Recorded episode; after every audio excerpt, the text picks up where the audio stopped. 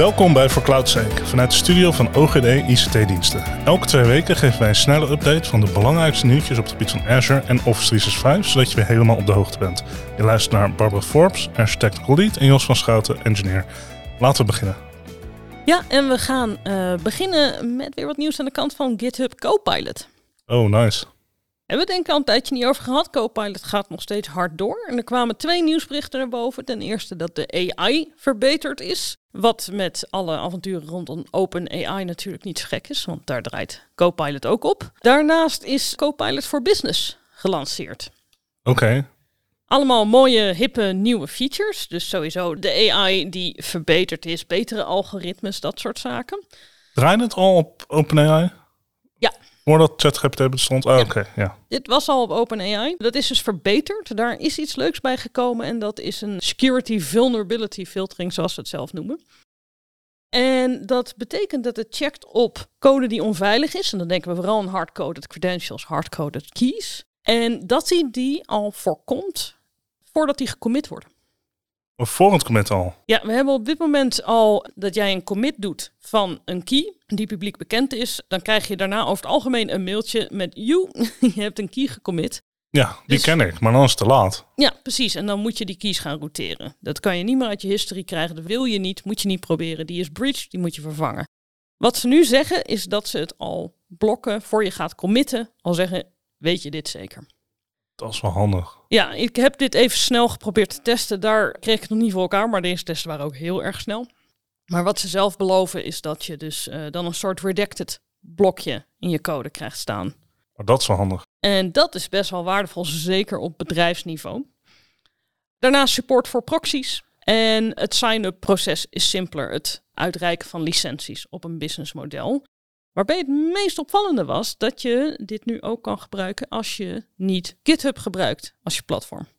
Oké, dus betekent dat dat, omdat het een Microsoft product is, ik ze ook lekker vanuit de portal kan toekennen? Of is het niet zo fancy? Nee, nee, het is echt los van elkaar. GitHub en Microsoft hebben wat dat betreft weinig met elkaar te maken. Maar de code moest hiervoor altijd op GitHub staan. Ja. Voor de open source variant. En ze zeggen hier dat je die dus ook op andere platforms kan gebruiken. Dus dat oh. zou op Azure DevOps of uh, GitLab ook moeten kunnen. Wat logisch klinkt aangezien het een Visual Studio Code extensie is. Ja, dan ben je dus niet afhankelijk van GitHub als, als bron. Oké. En dat is natuurlijk wel mooi. Daarnaast kan je company policies toepassen en verzamelt het by default geen data uit je code. Dus code snippets. Bij de gewone Copilot is dat iets wat je handmatig moet uitschakelen. Oké, ja, dat is voor business een logische keuze om inderdaad ja. niet te doen. Daar staat tegenover uiteraard dat het bijna het dubbele kost van gewone Copilot. Copilot kost 10 dollar per maand en uh, de business variant is 19 dollar per persoon per maand. Prijzig, maar de ervaringen die je hoort zijn ook wel heel erg positief in dat mensen zeggen dat het echt heel veel tijd scheelt. Nou, 20 dollar per maand. Dus het is op een, zich voor een, voor een enterprise valt het ook al mee. Ja, en het is een, uh, een goede optie. Wellicht juist, want ik wil het wel uh, een beetje eerst zien dan geloven, maar juist als je niet GitHub als uh, platform gebruikt op dit moment, kan dat heel interessant zijn. Ja, interessant. En zijn we nog steeds afhankelijk van alle, al je data staat in de VS? voor Enterprise. Dat is voor GitHub Enterprise. Uh, is dat een van de grote struikelblokken in Europa? Is uh, dat de data niet in Europa staat? Daar hebben we het al eerder over gehad, de Amerikaanse ja. wetgeving. Maar uh, voor zover ik het begrijp, is dit dus niet gekoppeld aan GitHub Enterprise. En kan je dit draaien waar je wil. Ah, dat geeft wel echt mogelijkheden voor ja. Europese klanten. En dat is Mooi. wel heel erg interessant. Oké, okay, ja, goed, goed nieuwtje. Ja. dan heb ik een nieuwtje in categorie D-Mark. En voor de, de luisteraar die uh, misschien meer op de Azure-kant zit en die niet heel erg bekend is met DMARC, kan ik even toelichten wat überhaupt DMARC is. DMARC gebruik je in je e-mailomgeving. Het is een, een, een policy wat je in tekstrecords invoert, waarin je zegt van joh, zo ga je om met mail van mijn organisatie. Hier wordt getekend en als je iets krijgt wat niet ondertekend is door mijn organisatie, maar wel deze afzender heeft, is het spam of het alsnog toe, maar veiligste optie is natuurlijk niet ja. signed, spam. Het is al best wel een marktstandaard, maar wat missen nou altijd nog reporting hieroverheen? Ja, ik kan het me herinneren uit de goede oude tijd dat ik hier nog mee te maken had. Dat heb ik inderdaad lang niet meer gehad, maar dat je het uh, altijd helemaal opzette en dan moest je e-mails definiëren waar de rapporten naar gestuurd werden, waar je vervolgens helemaal niks mee deed. Ja. In ons geval. Van, eh, het was het vinkje D-mark stond, maar dat was natuurlijk niet helemaal de bedoeling. Exact. Eh, third-party tooling had je nodig om zeg maar echt fatsoenlijke reporting te kunnen doen. Eh, je stelt inderdaad in je, in hey, hier moeten die mailtjes heen. Nou, zolang je dat hebt geconfigureerd, waar die e-mailtjes heen komen, krijg je vanaf maart, april, wanneer Microsoft het aanzet, automatisch aggregate reports.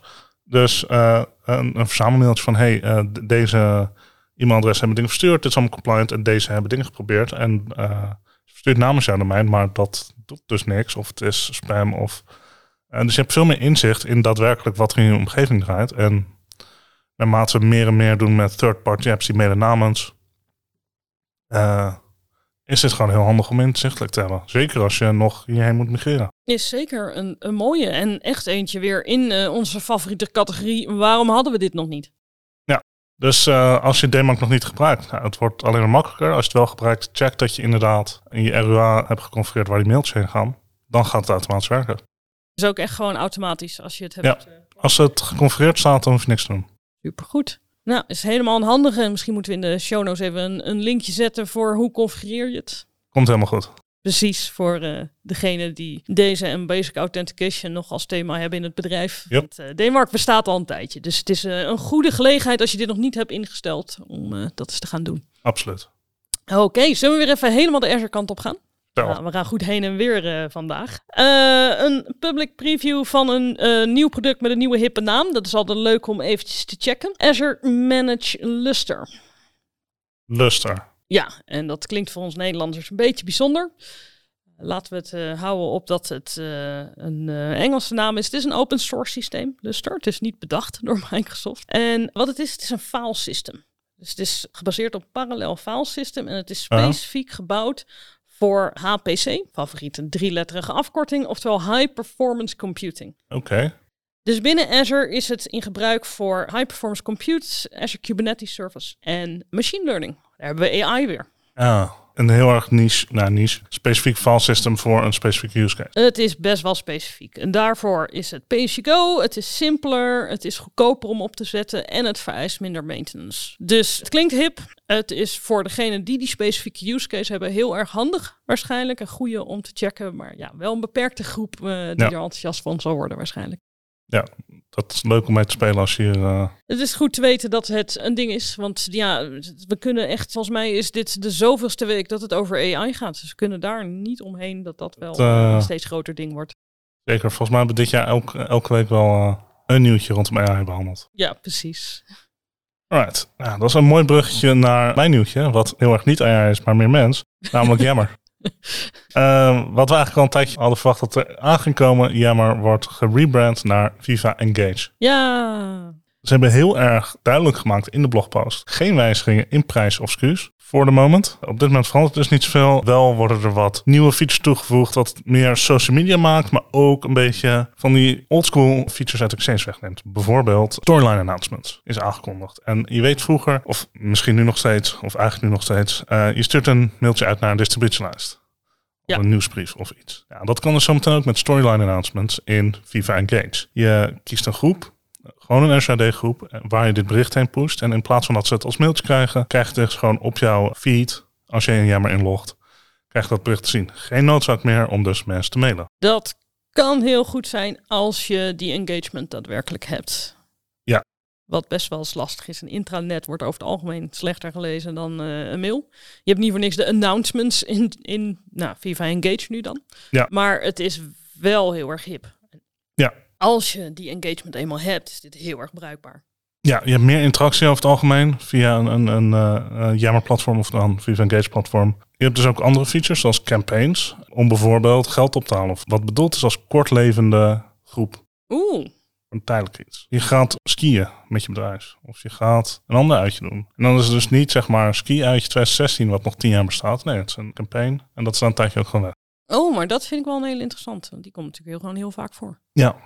Eh, een andere eh, en de derde die ze aangekondigd hebben is AMA-events. Eh wat natuurlijk een beetje kennen van Reddit en dat soort dingen. En daar dan een event, maar dan met wat meer zeg maar interactie en wat meer tekstmogelijkheden en wat meer dingen om vragen te stellen.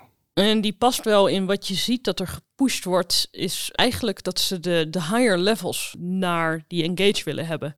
Dat als je de posts eromheen leest, gaat er heel vaak over van hier kunnen dus het C-level kan hier voor de gewone stervelingen een EME maken. Zo komt het altijd een beetje over van de blogpost. Maar eh, het is wel een ding wat je ziet van de moeilijkste die engaged te krijgen zijn de C-levels, de hoge in het bedrijf, die het over het algemeen moeizaam is om dat te prioriteren. Maar dat zijn wel degenen die de engagement voor de rest van het bedrijf Nee, zeker. Want als er met jou directeur een, een EME is, dat trekt jou ook naar je. Maar omdat, oké, maar wat wordt gezegd? Kan ik een vraag stellen? En dit is een ding, juist bij de grote bedrijven is dat een vraagstuk van hoe zorgen we dat een, bijvoorbeeld een directielid of de lagen daaronder bereikbaar zijn voor het hele bedrijf. Zeker bij bedrijven die snel zijn gegroeid, is dat heel moeizaam. Absoluut. Dus kunnen dat best wel opties zijn om eens een keer te overwegen. Ja, dus daar uh, ja, er zijn genoeg nieuwe mogelijkheden in Jammer. Ja, en daar staat tegenover dat we geen Jammer jammer grappen meer kunnen maken. Oh, nou, dat ga ik totaal niet missen. nou, mooi. Dan zijn we er aardig, denk ik. Dus ja. dan uh, sluiten we hiermee deze aflevering van For Cloud af. Over twee weken zijn wij weer terug met een nieuwe uitzending. En wil je meer informatie over de besproken onderwerpen? Kijk dan even naar de links in de show notes.